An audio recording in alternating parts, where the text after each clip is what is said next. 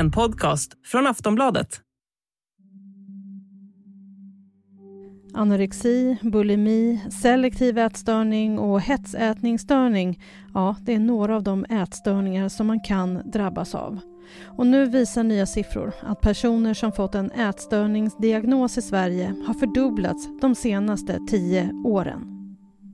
Fler söker hjälp mot ätstörningar vilket också ökar trycket på vården i landet. Köerna till att få vård är långa och det kan ta tid innan man får hjälp trots att forskning visar att hjälp i ett tidigt stadium kan vara avgörande. Experterna pratar också om en pandemieffekt, att fler drabbats under pandemin. De som drabbats är yngre och många har varit i dåligt skick. Det ökar mest i gruppen 13 till 15 år men man ser också en ökning i åldersgruppen 8 till 12 år och de flesta som vårdas är flickor.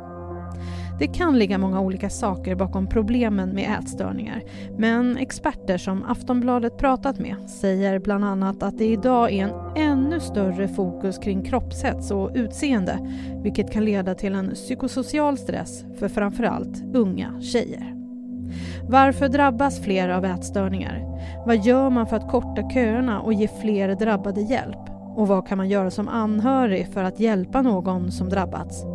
Det här pratar vi om i det här avsnittet av Aftonbladet Daily. Jag heter Jenny Ågren.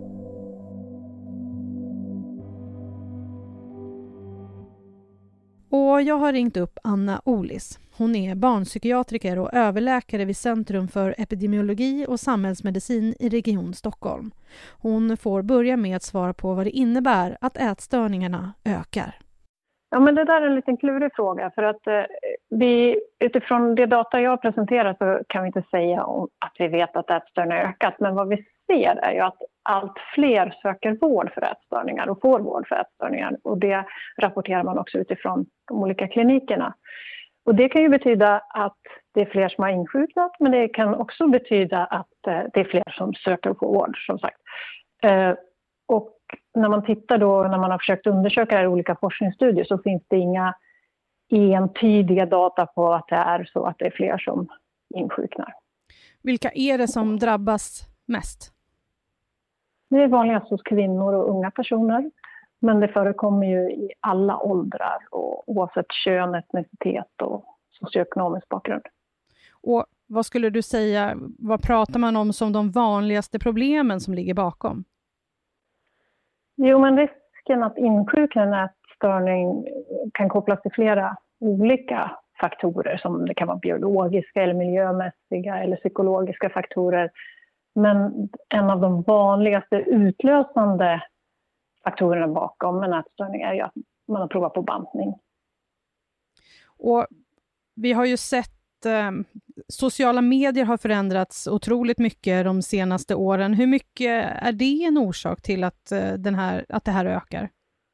Ja, det eh, är en bra fråga som jag nog inte kan svara rakt på. Men man har ändå, när man tittar lite vad kan liksom vara skydda mot att utveckla en ätstörning så finns det en del forskningsstudier som har visat att liksom stärka unga människor kring hur som media och reklam försöker påverka oss med olika kroppsideal, vad det är för bild de förmedlar, kan verkar kunna vara skyddande för att, att minska risken för att utveckla en ätstörning.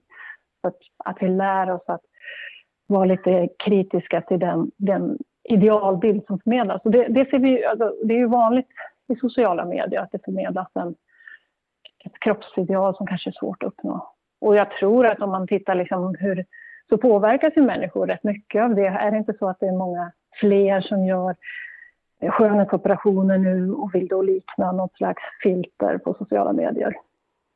Vi har precis eh, ganska nyligen kommit igenom en pandemi. Hur påverkade pandemin allt det här? Ja, eh, vi har ju tittat tio år bakåt i tiden, från 2011 fram till 2021 när det gäller vård för ätstörningar i Stockholm. Och eh, det har ju kontinuerligt ökat under den här tiden men den starkaste ökningen såg vi under pandemiåret. Så, och det kan, kan möjligen vara en pandemieffekt. Det var en del eh, ätstörningsforskare som tidigt i pandemin varnade för att den här pandemin med de restriktioner som infördes skulle kunna vara en risk för att personer med ätstörningar skulle få förvärrade symptom. Och det finns några forskningsstudier som verkar kunna stärka det också, att det ser ut så. Och det ser också ut så i våra data, eh, att eh, det ser ut som de som har, att man har fått förvärrade symptom behöver mer vård. Mm, och hur skulle du säga att det har förändrats rent historiskt med ätstörningar i Sverige? Ja, alltså det har ju kontinuerligt ökat. Eh, I Region Stockholm har jag tittat på sedan tio år tillbaka så är det allt fler som söker vård för ätstörningar. Och framförallt då under pandemin har det ökat. Det kan ju vara att man har suttit ensam, man har kommit ifrån sina rutiner och struktur kring eh, mat. Man kanske vanligen äter lunch med klasskamraterna i skolan och nu sitter man, har man suttit hemma istället. Eh, och samma sak, det finns liksom inget som begränsar om man tränar för mycket. Så jag tror att pandemin har haft negativa effekter för de som har haft ätstörningar. Hur ser det ut med hjälp? Ja, det vet vi ju att det är långa köer till den specialiserade ätstörningsvården och att det förstås är ett bekymmer. Och att man inom den naturligtvis måste prioritera de svårast sjuka patienterna och samtidigt så vet vi att det är prognostiskt gynnsamt att få tidig hjälp att bryta ätstörningen tidigt. Aftonbladet Daily är snart tillbaka. Ryan Reynolds här från Mint Mobile. Med priset på nästan allt som går upp under inflationen, trodde vi att vi skulle bring våra priser down. So to help us, we brought in a reverse auctioneer, which is apparently a thing. Mint Mobile unlimited premium wireless. Ready to get 30, 30, bit to get 30, bit to get 20, 20, 20, bit to get 20, 20, bit to get 15, 15, 15, 15 just 15 bucks a month. So, Give it a try at mintmobile.com/switch. slash $45 up front for 3 months plus taxes and fees. Promo rate for new customers for limited time. Unlimited more than 40 gigabytes per month slows. Full terms at mintmobile.com. Du var inne lite på det med att det är viktigt att få hjälp tidigt och snabbt. Eh, som anhörig så kanske det är lätt att vara förvirrad och rädd för att göra fel. Har du några tips eh, till eh, någon som har ett en barn eller en vän eller någonting som är drabbad?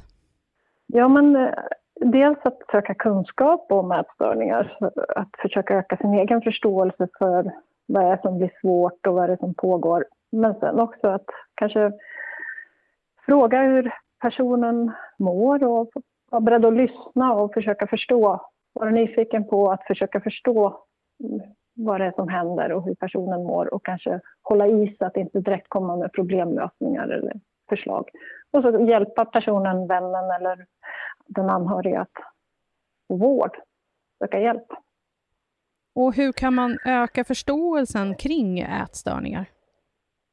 Ja, men jag tänker att det är ökad kunskap så ökar vi förståelsen också. Och nu kanske det är för att jag skriver den här rapporten, men jag tycker att på senare tid så har det rapporterats både i tidningar och i tv-program på ett väldigt bra och balanserat sätt om ätstörningar där mycket handlar om öka, att ge en ökad förståelse av tillstånden och ökad kunskap. Och hur jobbar man nu då för att eh, korta köerna och kunna hjälpa flera? För det verkar som att det är ganska många som står i kö för att få hjälp. Ja, men precis. Jag vet att Socialstyrelsen har fått i uppdrag att ta fram ett eh, nationellt kunskapsstöd och riktlinjer för vård av ätstörningar. Och det tänker jag kan vara hjälpsamt att liksom stärka primärvården, att fånga upp olika ätstörningar i tid och kanske göra någon första insats. Så det hoppas jag kan gynna att fler kommer i kontakt med vården tidigare. Sen så tänker jag också att eh, med en ökad kunskap i samhället generellt bland eh, idrottstränare, skolpersonal och, och anhöriga så kan vi också hjälpa att, att få rätt vård i tid, tänker jag.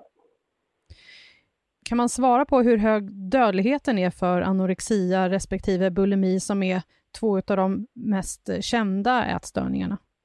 Ja, men det där eh, tycker jag är en svår fråga. Det, eh, vad vi brukar prata om inom psykiatrin då är ju, och har visat, så att eh, anorexi räknas som den dödligaste diagnosen av våra psykiatriska diagnoser.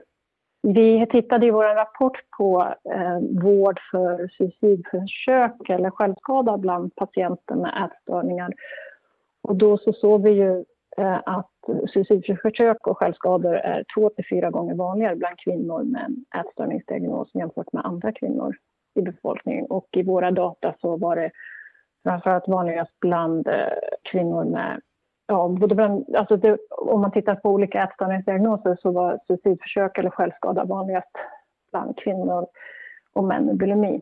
Då var det 12 procent av kvinnorna och 10 procent av männen som hade försökt skada sig själva eller ta sitt liv år 2021.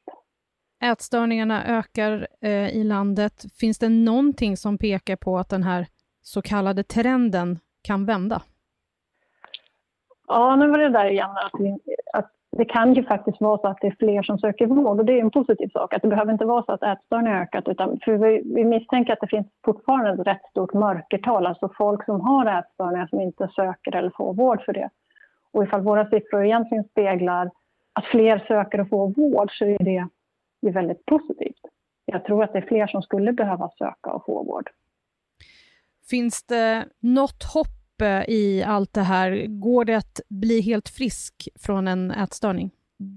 Ja, absolut. Eh, det går att bli helt frisk från en ätstörning. Tack för idag, Anna. Tack själv. Sist här Anna Olis, barnpsykiatriker och överläkare vid Centrum för epidemiologi och samhällsmedicin i Region Stockholm. Jag heter Jenny Ågren och du har lyssnat på Aftonbladet Daily. Om du eller någon närstående behöver hjälp så kan man bland annat kontakta Riksföreningen mot ätstörningar, Frisk och Fri, eller Ätstörningszonen. På sajten 1177 hittar du också mer tips om vart man kan vända sig. Ta hand om dig så hörs vi snart igen. Hej då!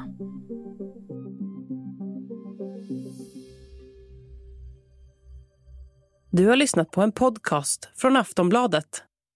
Ansvarig utgivare är Lena K Samuelsson.